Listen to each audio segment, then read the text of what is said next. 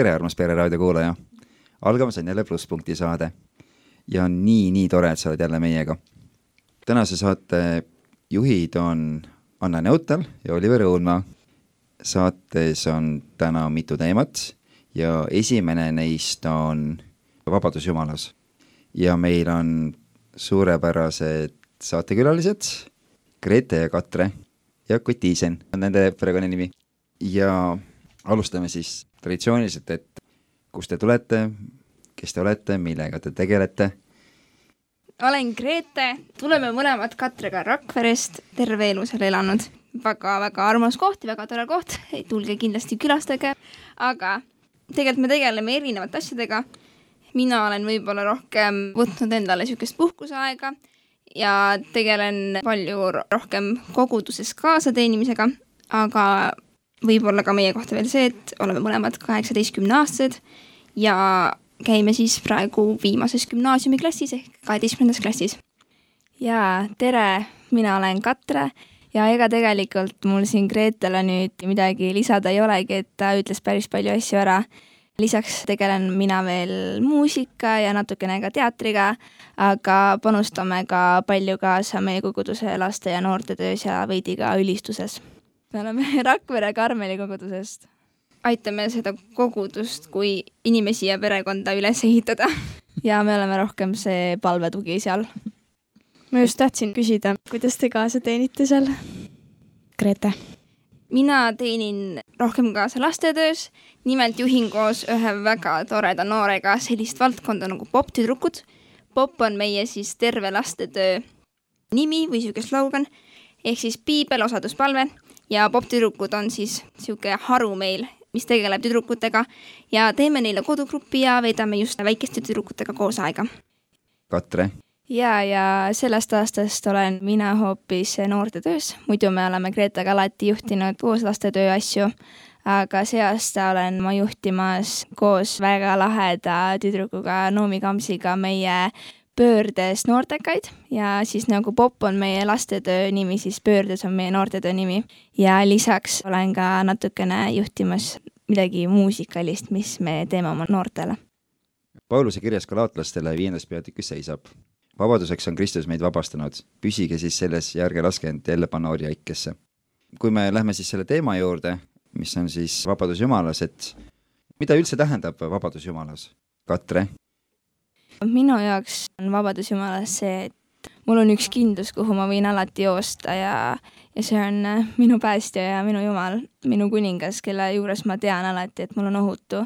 ja ma võin tema palge ette panna isegi kogu oma viha ja pahameele ja, ja kõik oma rõõmud ja ma tean, et ma saan koos temaga tähistada oma võite ja samal ajal ma tean, et kui mina nutan, siis ta nutab koos minuga ja ma arvan, et et äh, see on kõige suurem vabaduse tunne, kui sa tunned end turvaliselt ja hoitud. Grete? jaa, ma olen väga nõus sellega, mis Katri ütles. minu jaoks on seda võib-olla lihtsam seletada läbi Jumala armastuse. ma arvan, et kui sa, kallis kuulaja, oled osa kogudusest või oled rohkem veetnud aega Jumalaga, siis sa ilmselt tead, et meile meeldib väga rääkida sellest Jumala armastusest ja sellest võrdpildist, et miks on just see Jumala armastus õige ja hea mitte see, mida me arvame pidavat armastuseks.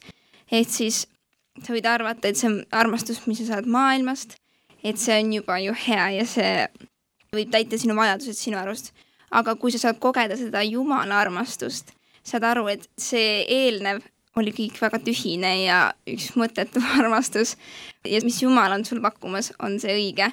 ja ma arvan, et vabadusega on täpselt samamoodi. maailm arvab mitmeid asju vabaduseks ja see võibki tunduda õige ja hea vabadus, aga niipea, kui me saame kogeda seda Jumala vabadust, millest ka Katre rääkis, siis me saame aru, et see, mis meile maailmas pakuti, et see on tühine ja kahvatub kõige selle kõrval, mille Jumal on loonud vabaduseks. milline on see vabadus, mis Jumal meile annab? Grete? tegelikult see ju tuleb juba välja kohe piibli algusest, Aadama, Eeva loost, läbi selle hea ja kurja tundmise puu, mis oli istutatud kõige selle Eedeni aia keskele. ja ma arvan, et see on ikkagi iga võib-olla kristlase peas ka läbi käinud kunagi, et milleks see puu siis üldse pandi sinna, sest sealt see ju kõik alguse sai, sealt läks võib-olla siis kõik luhta, aga Jumal ongi andnud meile vabaduse otsustada, teha oma valikuid. aga nagu ta ütleb ka piiblis, et meil on vabadus valida elutee või surmatee, aga samas ta kutsub meid alati valima seda eluteed.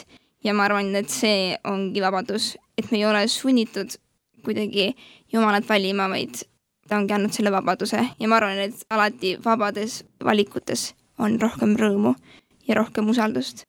nii et vabadusega tuleb kõik teie head asjad kaasa, mis Jumal tahab meile anda mm. -hmm. teate kaksikud ja piiblis on lugu uskumatust Toomasest, kes ei uskunud, et Jeesus on üles tõusnud, enne kui ta sai torgata oma näpud tema küljehaava. ta oli uskumatu Toomas, keda kutsuti lisanimega kaksik. aga teie ei ole absoluutselt tema moodi kaksikud, sellepärast et nii palju, kui mina teid mäletan, siis olete teie alati valinud Jumala ja uskunud, et see, mis tema pakub ja räägib, see on õige, te ei ole nagu kahelnud selles. ma tean paljusid pastorite lapsi, me oleme sellest rääkinud ka saates Pastorite lapsed mõni saade tagasi, kes tulevad näiteks kuhugi laagrisse ja neil on kõigest täiesti siiber ees juba, sellepärast et palve, ülistus, kõik on söögi alla, söögi peale, nad mõtlevad, jess, laagris on vabadus, ma pääsen sellest. ja siis pannakse nad jälle istuma sinna teenistusele ja siis nad peavad jälle palvetama ja siis nad peavad kaasa laulma, siis nad nihelevad ja piinlevad seal. aga teil on umbes niimoodi, et jess, vabadus, teenistus, palve kui te tulete, siis te tunnete rõõmu sellest, et on Jumala ligiolu, on teised samasugused noored kristlased. Teil on alati kohe esimesena käed taeva poole ja põlv maas. millest on selline asi, et vabadus teie jaoks on Jumal, mitte lihtsalt see, et ma pääsen nüüd ära sellest elust, mida ma iga päev elan?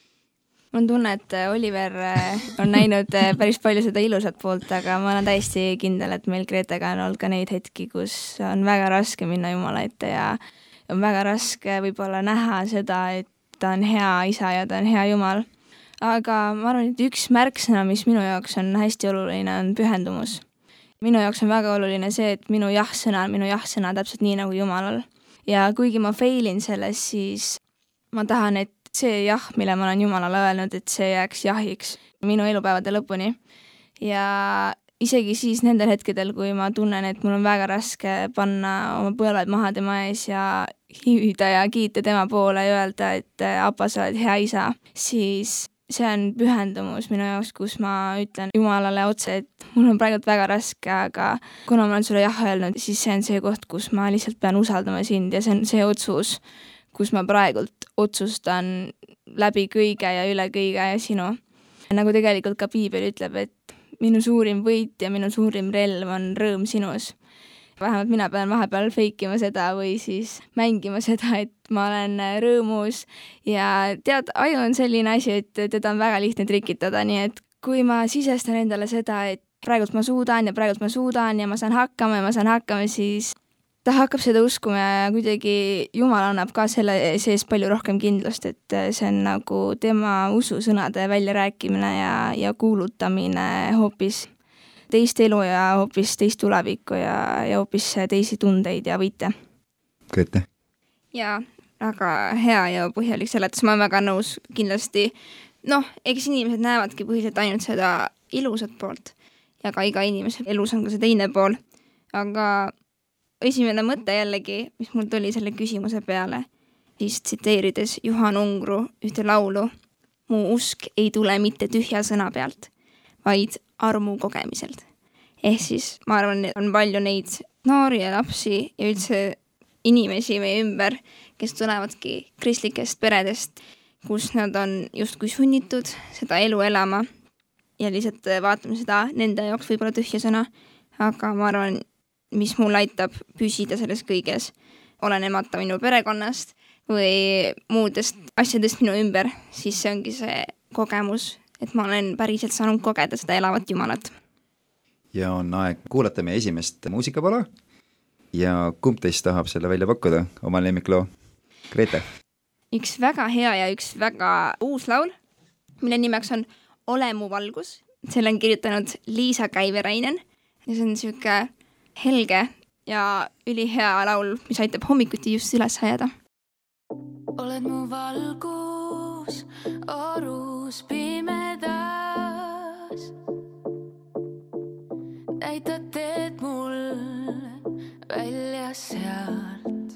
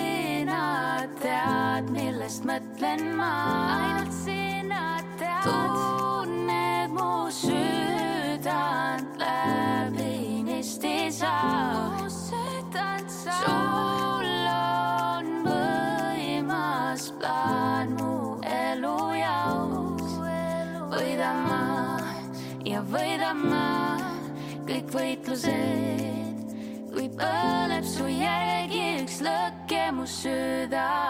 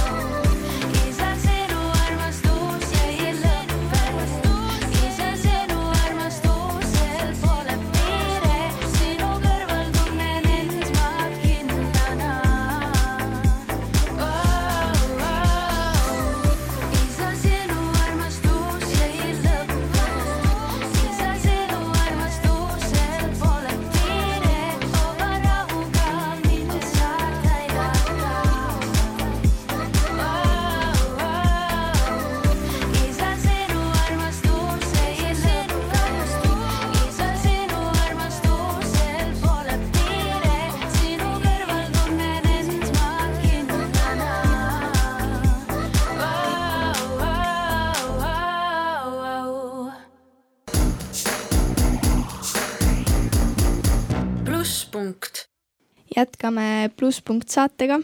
mina olen Anna Neutal ja mul on siin kaassaatejuhiks Oliver Õunmaa ja täna on meil külla tulnud Katre ja Grete Kotiisen. eelnevalt rääkisite, kuidas te oma usus püsite ja mulle tekkis selline küsimus, et kuna te mõlemad olete sama vanad, kaksikud siiski, siis ilmselgelt lähete mõlemad samal ajal samast eluperioodist läbi eks need natuke varieeruvad, aga vanuseliselt on teil ikkagi sama periood. kuidas välismaailma mõju mõjutab teie usku, olgu need siis koolikaaslased või mõned hobid võib-olla kuskil seal, et kas see, mõju on tugev või aitab ka näiteks, kuna teil on terve pere tegelikult kristlased, et kas aitab ka kuidagi see, et pere saab siiski usu poolelt ka toeks olla? Grete? ma arvan, et sellistes asjades on pigem isiklikum pool, et sealt me lähme mõlemad erinevalt läbi. aga ma arvan, et me oleme väga õnnistatud esiteks terve selle linnakeskkonnaga, mida on näha palju ka meie kogudusest, mida väljaspoolt öeldakse, et kui head suhted on üldse meil linna ja koguduse vahel, et see paneb teisi imestama ja mida ma ise olen lihtsalt näinud, samamoodi väga õnnistatud selle keskkonnaga, kus me oleme koolis saanud olla või kas või läbi huviringide ja, või mingite muude tegevuste. inimesed on väga mõistvad olnud ja pigem huvitatud, nad tahaksid rohkem teada, mida see tähendab. et niisugust pahameelt või negatiivset kogemust vähemalt ei suuda meenutada niimoodi, mis oleks.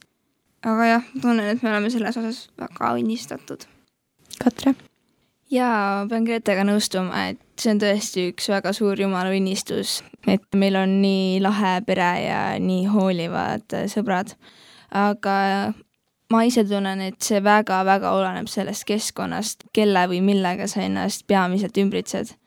mis ma tunnen, et ma olen oma perest ka kaasa saanud, ongi see tarkus, et väga hoolikalt valida, kelle ja tegelikult ka millega sa ennast ümbritsed. meil on väga tugev noorte töökoguduses ja ma tunnen, et see on väga oluline minu jaoks ja, ja sealt äh, mul on minu pelgupaik ja minu mugavustsoon ongi tegelikult seal nende noorte keskel, kellega me saame koos koguduses käia. aga samal ajal ma tunnen, et Jumal on ka mind õnnistanud mittekristlike sõpradega ja see, kuidas täpselt nagu Grete ütles, nad tahavad veel kuulda ja, ja nad on nii avatud ja, ja selles keskkonnas on kuidagi püha vaimul hoopis teine mõõde või, või kuidagi teine viis, kuidas ta liigub ja see on minu arust nii lahe ja ja kuidagi nii eriline seda alati avastada. Et eks ikka on hetki ja perioode, kus mingid asjad tõmbavad kuidagi seda alla või, või tekivad mingid küsimused Jumala ees ja sa mõtledki, et võib-olla keegi on sulle esitanud väga raske küsimuse ja tulevad endal ka mingi appi, aga ma tegelikult ei tea ka sellele küsimusele vastust, et miks need asjad on nii või kuidas need asjad töötavad, et siis see on väga okei okay ja ma tunnen, et mul on see julgus või nagu esimene soov minna kohe nende asjadega Jumala ette ja talle neid esitada. ja ma arvan, et see on ka see üks põhjus, miks kuidagi minu jaoks on usus olemine võib-olla natukene lihtsam olnud või kuidagi see ei ole väga minu jaoks küsimuseks tulnud, et kas uskuda enam või mitte. Johannese esimene kiri, salmid viisteist kuni seitseteist ütlevad, et ärge armastage maailma ega seda, mis on maailmas. kui keegi armastab maailma, siis ei ole temas isa armastust sest kõik, mis on maailmas, lihahimu, silmahimu ja elukõrkus, ei ole isast, vaid maailmast. ja maailm kaob ja tema himu, aga kes teeb Jumala tahtmist, püsib igavesti. ma ei mäleta, kumbaga ma teist sellest rääkisin ükskord, aga ma küsisin seda täpselt nagu praegu Katre rääkis ka, et kas pole teil kunagi olnud sellist tahtmist, et nagu prooviks seda, mis maailm pakub, et võib-olla natuke mässaks või äkki on see vanemate usk või midagi sellist. ja siis oli vastus see, et ma pole kunagi nii mõelnud, ma olen alati teadnud, et see on õige tee, mille ma olen valinud. mida öelda neile, kes on mittekristlased ja väidavad, et Kristus ei anna vabadust, vaid vastupidi, piirab seda, et sa ei tohi pidutseda, ise oma elu juhtida, pead selle Jumalale üle andma, eks ole. noh, arvavad veel, et äh, oled nagu ori, pead tegema, mis Jumal tahab. ei tohi rikkust taga ajada, pead keerama teise põse ja kõik sellised piirangud ja ahistamised. et kuidas see on vabadus, mis Jumal pakub? ma tahaks selle peale neid vastu küsida, et aga kõik need asjad, mida nad teevad, võib-olla mis nende jaoks nad võib-olla defineerivad vabadust, et nad saavad teha kõiki neid asju, mis Oliver just ütlesid, et mis meile on nii-öelda ka keelud, siis et kas need annavad neile vabadust, kas see on see, mis täidab tegelikult sinu südant ja, ja kui sa lähed õhtul oma voodisse ja mõtled selle päeva üle, kas see on see, kus sa võid sügavalt hingata sisse ja välja ja öelda, et täna oli hea päev või see tunne on minu sees kuidagi hea ja see on nii vabastav. ma ei ole kunagi kuulnud, et keegi saaks öelda seda. ja see, mida Jumal annab, see on, seda ei saa kirjeldada täpselt nii, nagu kui Gret ütles, et ta on kogenud seda. ma ütleks, et tule ja maitse. tule ja proovi, et Jumal on hea ja sa saad teada, kui hea on meie Jumal. usu mind, sa tahad proovida seda head vabadust. no nüüd on juba kaks talve möllanud meil ju koroona ja mis on siis tegelikult keelanud eh, sõpradega kohtumise, võib-olla üldse sellise sotsiaalse elu. meil eriti kui noortel ju tegelikult sõpradega suhtlemine on nagu nii-nii oluline ja mõnikord tuleb selline suur tung ja vajadus, et oleks vaja kohtuda kellegagi ja rääkida ja saada kokku, aga paraku nüüd on äh, reeglid, mis ei luba ja mis siis sunnivad sind kodus istuma. kuidas teil üldse see koroonaaeg koos möödus? kas tundsite ka kuidagi, et ei jaksa enam? jaa, kindlasti ma ei usu, et oleks inimest, keda see ei oleks puudutanud või täiesti puutumata jätnud. Kindlasti meie saime ka seda päris palju maista. meie tuleme lihtsalt võib-olla Eesti kohta üsna suurest perest. meil on kuus pereliiget. nii kui sa elad selle isolatsiooni või karantiini aja kõik koos, siis ühel hetkel see ikka ajab päris hulluks. aga samas ma kindlasti näen seda, et seda enam tekkis see vajadus näha neid teisi inimesi ja neid teisi suhteid väljaspoolt, kes võib-olla ei ole sinuga kas nii lähedased või ei olegi lihtsalt su pereliikmed. nii et ma arvan, et me kõik sel ajal mõtlesime kellegi peale või, või igatsesime kedagi. Katri, on sul lisada? ja et äh, ma ise sain kuidagi veel rohkem aimu sellest, et ma olen täiega inimeste inimene ja see periood ei olnud üldse minu jaoks raske olla nelja seina vahel ainult viie inimesega. aga mis see mulle võib-olla õpetas, oli see, et ole täiega loov. Sul on tegelikult võimalusi sadu ja miljoneid, kui sa lihtsalt võtad aega ja mõtled, kuidas suhelda teiste inimestega või, või kuidas leida see võimalus või kuidas täita see oma vajadus vastavalt sellele, kui palju sa seda vajad. kas töötab sinu jaoks Zoom kõige rohkem või võtadki õues selle jalutuskäigu ja hoiad kas või kaks meetrit vahet või võib-olla te saadate kirju kellegagi, et neid võimalusi on tegelikult nii palju, tuleb lihtsalt olla loov ja mured saavad lahendatud. nii hea, sa vastasid juba järgmisele küsimusele põhimõtteliselt, aga kas teil tekkis üldse selliseid muremõtteid või sellist koroonamasendust ka vahepeal, et mittekristlasena on see veel kergem tulema, ma arvan, et kristlasena olles on natukenegi kergem. meil on tugi üleval ja ma küsiks siis kohe ära ka, et mis on teie nii-öelda nõuanded või meelespead, mida öelda kuulajatele, kui neil on samasugune olukord? Grete? jaa, kindlasti oli neid hetki ja ma võin siit enda osapoolelt öelda, et võib-olla ma ei tea, tundub, et, et meie elu on olnud ju nii hästi ja et meil on võib-olla lihtne mõelda loovalt ja kõige sellega kuidagi paremini toime tulla. Aga enda osa poole pealt ma võin öelda, see ei ole küll tingitud koroonast, aga koroona kindlasti panustas sellele juurde. ma olen pidanud palju tegelema ärevusega ja see tõi kindlasti palju juurde nädalate pikkusi melanhoolseid mõtteid ja olemust ja raske oli sellest kindlasti vahepeal välja tulla. aga sel ajal, ma arvan, sai ka minu jaoks lemmikuks kirjakoht tegelikult kohe piibli esimesest raamatust, nimelt kus Jumal on loonud selle ilusa maailma, ta on loonud selle ühe inimese sinna keskele ja pannud ta tööle. ja ta vaatab seda kõike, mille kohta ta on öelnud, et see on hea ja inimest, mille kohta ta on öelnud, et see on väga hea ja siis ta ütleb, et inimesel ei ole hea üksi olla. nii et ma arvan, see kindlasti julgustas mind sellele, et, et tihti ma tahtsingi oma muredega justkui üksi jääda ja mõtlesin, et ah, et küll ma hakkama saan või et mida ma tüütan teisi inimesi või keegi nagunii ei saa minust aru ju või minu mõtetest. aga Jumal ei loonud mitte ühtegi inimest olema üksi ja ma arvan, et nendest probleemidest, millega inimesed tegelevad, eriti praegusel ajal on nii kuidagi siuksed vaimsed ja hingelised, et nendega ei saagi üksi hakkama ja neid peab kasvõi lihtsalt välja rääkima, kui midagi muud ei oska teha. aga nii, et ma julgustakski, nagu Katri ütles ka, et leidke need lahendused, kuidas suhelda inimestega. ma nägin, et see aitas mul nii palju kaasa. et räägidki lihtsalt sellest, kuidas päriselt läheb ja milline näeb välja päris elu. ja on aeg kuulata jälle muusikat. ja kas nüüd on Katre kord? ja mina soovitan või panen teile ühe meie pere lemmikbändi loo ja selleks on selline natukene Iiri folgi bänd nimega Rent Collective ja nende kõige viimane lugu Coming Out Fighting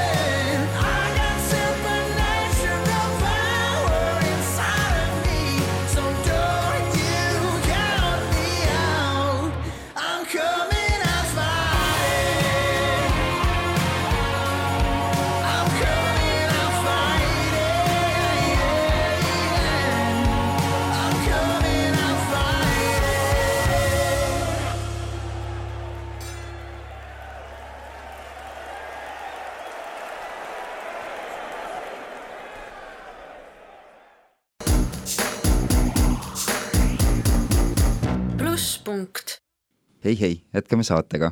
saatejuhid on meil seekord Anne Neutel ja Oliver Õunmaa ning saates on külas Grete ja Katre Kotiisen. ja tänase saate teema on meil Vabadus Jumalas. aga meil on ka teisi saateteemasid. me just natuke enne muusikapausi rääkisime sellest, kuidas püsida rõõmsana ja muremõtetest vabana siis, kui koroonaaegne masendus rusub, aga Katre ja Grete, kas võib öelda, et teil on üsna selline ühtehoidev pere, et kuidas nemad aitavad teil selles Jumala vabaduses ja muremõtetest vabaduses püsida? Katre? jaa, ma arvan küll, et meil on ühtehoidev pere, võib-olla me alati ei oska jagada kõigest või sõnastada kõiki oma mõtteid, mis meil peast läbi käivad. aga mulle meeldib, et kui meil oli see karantiiniaeg ja kui meie pere oli tegelikult ka kõik koroonas ja me pidime olema täiesti, täiesti eraldatud, siis meil oli selline traditsioon, mis mind tegelikult hoidis väga palju pinnal. me iga õhtu vaatasime kas ühe filmi või ühe saate koos perega ja siis me istusime kõik elutoas ja keegi oli käinud poes, ostnud meie lemmikut ploomimahla ja, ja siis me koos istusime ja vaatasime natukene televiisorit ja saime naerda ja, ja rääkida sellistest asjadest, et see on näiteks üks nii lihtne asi, mis mind on kuidagi natukene vee peal hoidnud. Grete? nagu Katre ka tegelikult ütles, siis võib-olla paljud arvavad, et me oleme jätnud niisuguse ideaalse pere mulje, et me jagame omavahel palju ja oleme väga-väga isiklikud ja lähedased. võib-olla me perega ei ole nii isiklikul tasandil lähedased, aga mulle meeldib ka, et meil on palju ühiseid traditsioone, mida meile meeldib koos teha ja ma arvangi, et see kokkuhoidlikkus meil perega on kuidagi aidanud edasi minna ja kindlasti ka võib-olla kristliku maastiku poole pealt. et see, mida mu vanemad räägivad meile ja võib-olla ka teistele inimestele väljaspool, et ma näen, et see on elav ka nende elus, et kõik nende sõnad saavad praktiliselt ka teoks. nii et see on kindlasti niisugune julgustus mulle olnud. kui nüüd veel pereteemaga jätkata, siis mul ausalt öeldes oli selline kiiks või suur unistus, et ma saan teha kaksikute saadet. Teile endale tundub see nii tüütu olevat, sellepärast et te elate kogu aeg seda elu ja siis te ei jaksa nagu enam ära kuulata, kuidas kõik vaimustuvad sellest. aga ju siis ikka inimesi huvitab see teema ja te olete kaevanud mulle, et oo oh ei, et see kaksikute elu pole üldse nii lõbus ja tore, et inimesed peavad tihti teid üksteise kloonideks, et kui te näete sarnased välja, siis te olete ka iseloomul sarnased. võib-olla peaks seda kummutama või mis te arvate? Katre? jaa, selle peab ümber lükkama, ei tegelikult ma arvan, et me oleme Gretega väga erinevad ja võib-olla üks põhjus, miks me ei näe, et see oleks mingi suur eriline teema, mida lahata, on see, et me isegi tegelikult ei näe, et me oleks nüüd täpselt samasugused. Ja kui keegi küsib ka meilt, et noh, mis tunne on siis kaksik olla, siis see on täpselt samasugune tunne, kui sul on lihtsalt õde või vend. võib-olla, mis on üks eripära väga tihti, on see, et asju tuleb väga palju jagada teineteisega ma ei tea, kuidas mõnel teisel kaksikute peres on, aga me oleme Gretega pidanud jagama kuusteist, seitseteist aastat eh, oma tuba üksteisega, oma sõprusi, kooli, isegi riideid ja asju, et võib-olla kui mõni inimene ei ole sellega üldse harjunud, siis ma ütleks, et see on võib-olla kõige suurem nii-öelda eripära, mis siis kaksikutel on aga muidu oleme täiesti tavalised inimesed, lihtsalt mõne jaoks tundub, et kuidagi väga ühte nägu. ja ma lihtsalt lisakski siia juurde veel, et see tundub väga lihtsalt niisugune õdedevaheline suhtlus. ikkagi ka teistest peredest aetakse omavahel jõudesid segamini, ikka peavad teised õed ja vennad omavahel asju jagama. ja ütlen ausalt, ei näe sellel midagi nii maagilist või erilist ongi lihtsalt üks õtedevaheline elu. kui te väiksemad olite, siis kas te ise tahtsite või mitte, aga te pandi vähemalt ühtemoodi riidesse, teil olid ühesugused soengud peas, hästi palju pisikesi patse. Ja kui te suuremaks saite, kui te olite parajad teismelised juba, siis te hakkasite meelega kandma erinevaid riideid, siis te üritasite olla võimalikult erinevad, mäletan kuskil laagriplatsi peal ühel olid ühed sõbrad, teisel olid teised sõbrad, et oleks üksteisest võimalikult kaugel, aga selle varjus on ikkagi selline tore sõprus omavahel teil ja eks ikka. Katre et ma arvan, et iga laps ühes peres võib öelda, et peresuhted ei ole alati väga lihtsad ja seal on väga palju pingeid ja seal on väga palju tülisid ja täpselt see, nagu Oliver ütles, tüdimust või sellist väsimust, aga eks kõige keskmes on tegelikult armastus ja me ka Gretega hoolime teineteisest ja ma arvan, et võib-olla selle kese ei ole alati see, et olla üksteisest võimalikult kaugel või võimalikult erinev, eks seda on olnud ka selliseid mõtteid, aga nagu me oleme ka öelnud, et me Gretega tegelikult oleme päris erinevad ja me lihtsalt, see tuleneb ka sellest, et meil on erinevad sõprused ja me vajame erinevaid sõprusi kui rõhutatakse, et te olete kaksikud, siis mis on sellised kõige naljakamad arusaamad või eeldused teie kui kaksikute osas? Grete? ma arvan, iga inimese üks põhiline küsimus, kui läheb kaksikute teemale ja võin kohe ära öelda nii palju, kui meil on kaksikutest sõpru, siis kõik vihkavad seda küsimust, nii et palun ärge küsige seda. aga küsitakse telepaatia kohta või siis, et kas me loeme üksteise mõtteid või kas me saame üksteisest niimoodi aru. ja see ei ole nii. nagu ma ütlesin enne, me oleme samamoodi tegelikult lihtsalt õed, juhuslikult sama vanad ja siis ma võiks samamoodi küsida, kas sa saad oma õe või venna mõtetest kohe niimoodi üks-üheselt aru. Katre? ja, ja võib-olla üks, mida me, me oleme kuidagi oma elus, ma arvan, kõige rohkem kogenud, ma ei tea, kuidas see nii on juhtunud, aga tuleb tihti see väljend, et te olete ju sama inimene või kuidas üks teab ja teine ei tea või kuidas üks oskab seda ja teine ei oska, et see on võib-olla olnud minu jaoks selline kõige suurem nii-öelda nupp, mida vajutades siis mul kohe lähevad närvid pingule. kas see jumala vabaduse tunnetamine on ka teie jaoks kuidagi erinev, Grete? ma arvan jaa, ma arvan, et tegelikult jumala kogemine on iga inimese jaoks erinev, no jumal on nii suur, me ei suuda seda kõike tervikuna hoomata, siis ma arvan, et igaüks meist saab killukese temast maitsta ja kuna ta on loonud meid, siis ta teab täpselt seda, mis killuke on meil siin maa peal kõige parem temast kätte saada.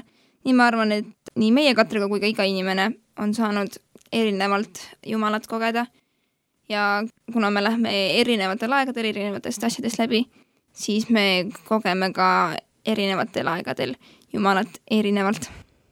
Katre? jaa, ma arvan, et see tuleneb ka sellest, et minu ja Grete annid ja asjad, mis meid sütitavad, ei ole sada protsenti kattuvad. mis ma ise tunnen äh, väga praktiliselt, on see, et Gretel on väga suur and kirjutamisel ja luuletamisel ja üldse kuidagi sellel pool loovatel asjadel. ja ma arvan, et seal kuidagi Jumal oskab teda eriliselt kõnetada ja olla kuidagi püha vaimu ligielus ka. aga minu jaoks näiteks on hoopis muusika kuulamine või jalutamine või vahest mulle meeldib ka joonistada oma emotsioone ja tundeid ja ma arvan, et see on üks koht, kus Jumal saab tihti mind kätte või, või kus ma võin kogeda kõige rohkem Jumala vabadust. ja nagu Katre ka enne ütles, siis ta on väga inimeste inimene, minust natuke rohkem ilmselt, ja suhted teiste inimestega on kindlasti tema üks and. Grete on isegi välja luuleraamatu ja kui Katri rääkis muusika kuulamisest, siis meil on aeg jälle kuulata muusikat ja mis te seekord meile välja pakute? Grete? jaa, nüüd saame kuulata sellist lugu nimega Woman at the well ehk siis naine kaevu ääres ja selle on kirjutanud Olivia Lane. I heard a story from the Bible when I was just a little girl about a broken hearted woman who met the Savior of the world. Thought it was just another story, one that the preacher man would read. But as I'm sitting here at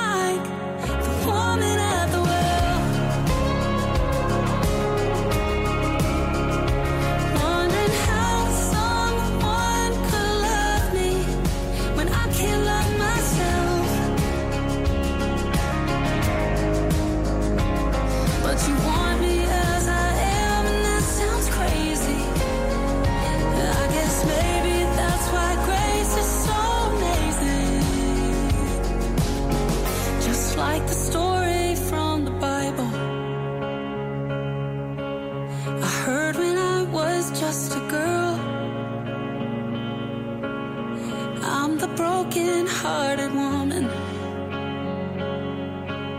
who met the savior of the world.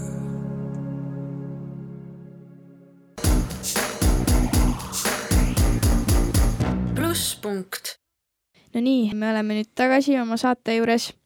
stuudios on Oliver Õunmaa, Anna Neutal ja külla on tulnud Grete ja Katre Kotiisen. Ja me oleme juba omadega jõudnud tegelikult vaikselt lõpuni, aga ma veel enne siis küsiks üle mõlemalt. kuidas ja millest võib saada Jumala abil vabaks ja kuidas selle vabaduse sees siis eh, püsida? Grete. ma arvan, et vabaks võib saada enam-vähem kõigest. ma arvan, et me tahame ju vabaks saada ikkagi nendest asjadest või olemustest, mis ei ole kooskõlas Jumalaga ja mida mina olen näinud oma elus ja ka teiste inimeste elus, mis on niisugune praktiline töötav asi. Ja ma arvan, mida paljud ei taha kuulda tegelikult, aga see on kõige parem nõu, mida mina olen saanud, on püsivus ja püsivus ja püsivus.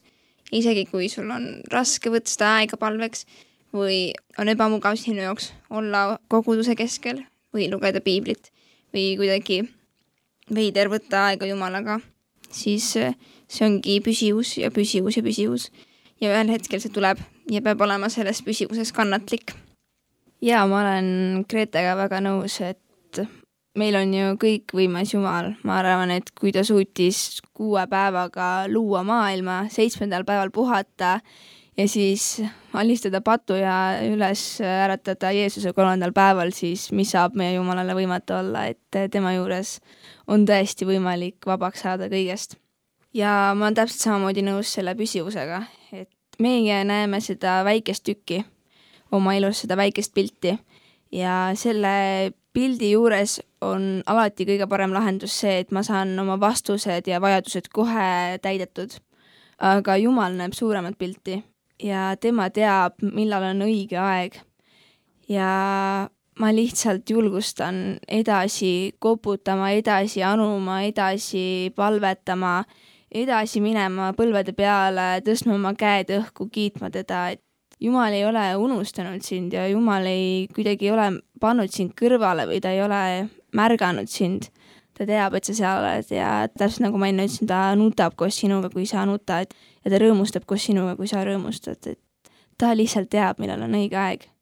ja kui sa ei ole veel oma vastuseid kätte saanud, siis see ei tähenda ka seda, et see on võib-olla vale küsimus või halb küsimus, vaid et Jumal lihtsalt ootab õiget hetke, millal sulle see anda vastus no nii tihti kipume teelt kõrvale kalduma, et te ütlesite, et jaa, et püsivus on väga-väga oluline, mis muidugi on, aga kuidas püsida, mis on teie soovitused, Grete?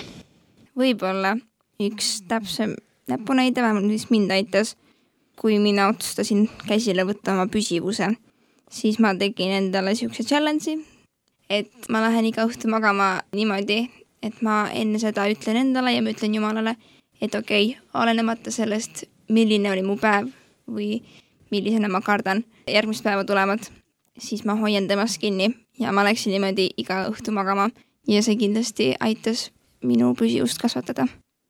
ja ma arvan, et hästi oluline on panna endale paika eesmärgid ja siis leida parim viis enda jaoks, kuidas neid eesmärke täita. Ja väga praktiline näide minu elust on näiteks selline, kus ma otsustasin võtta käsile oma piibli lugemise ja ma otsustasin, et ma tahan järgmisel aastal teha nii, et mu piibli lugemine on nii loomulik, et ma iga päev olen vähemalt ühe peatüki lugenud piiblist ja mõtisklenud selle üle.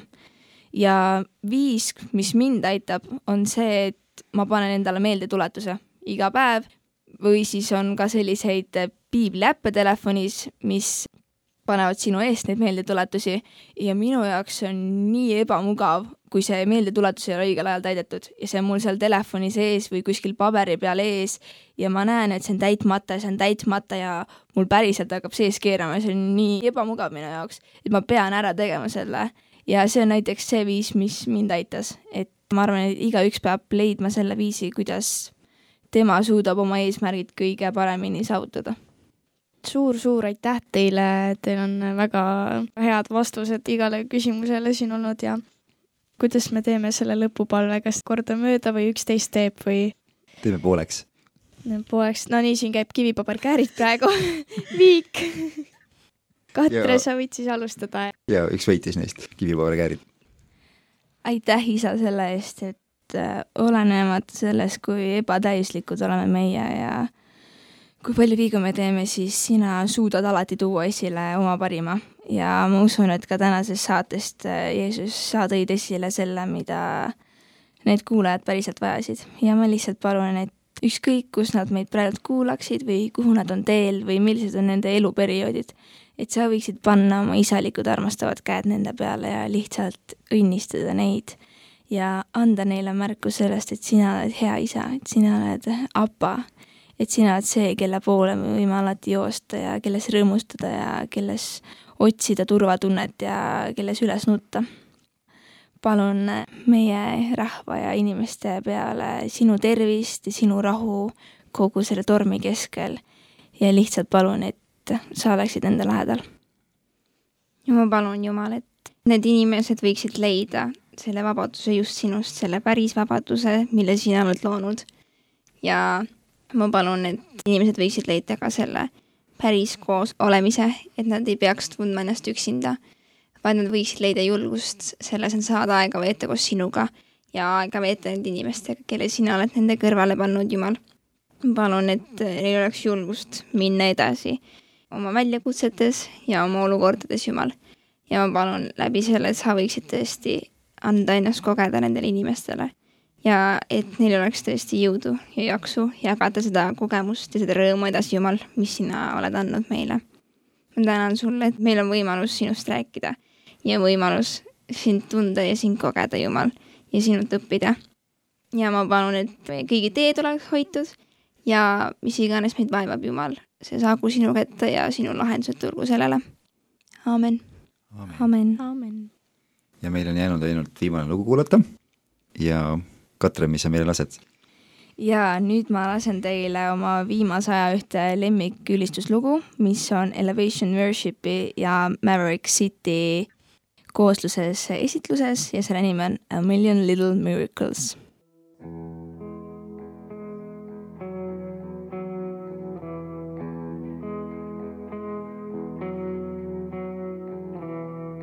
All my life I've been carried by grace.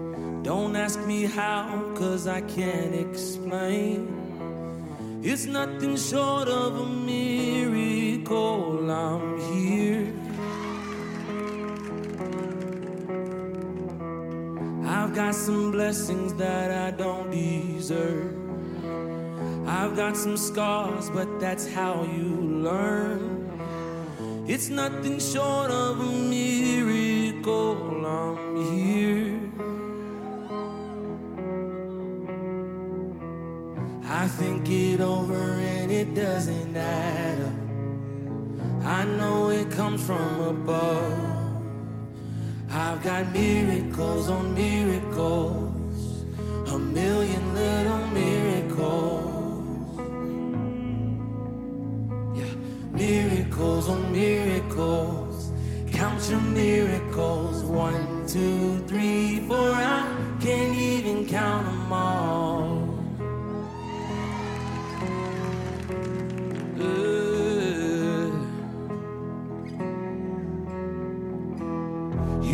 me steady so I wouldn't give up. You opened doors that nobody could shut. I hope I never get old.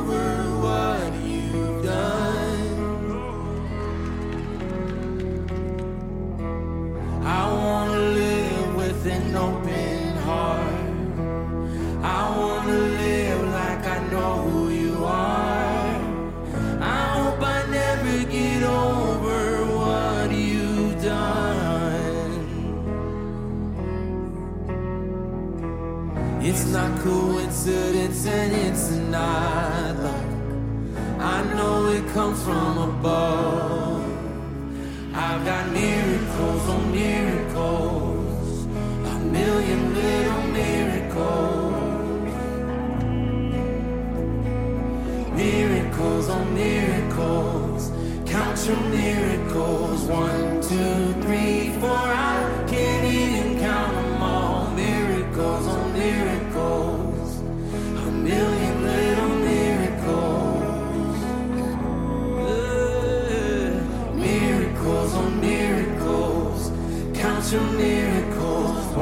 two, three.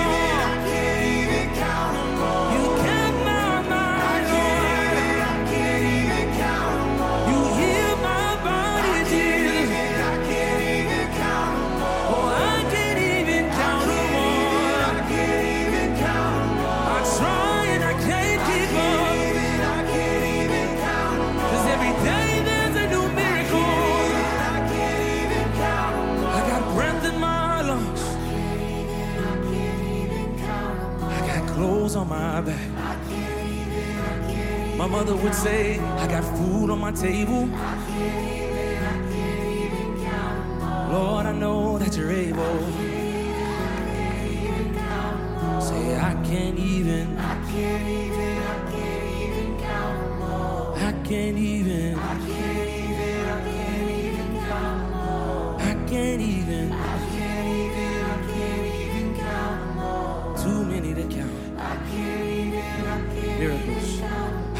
miracles on miracles, a million little.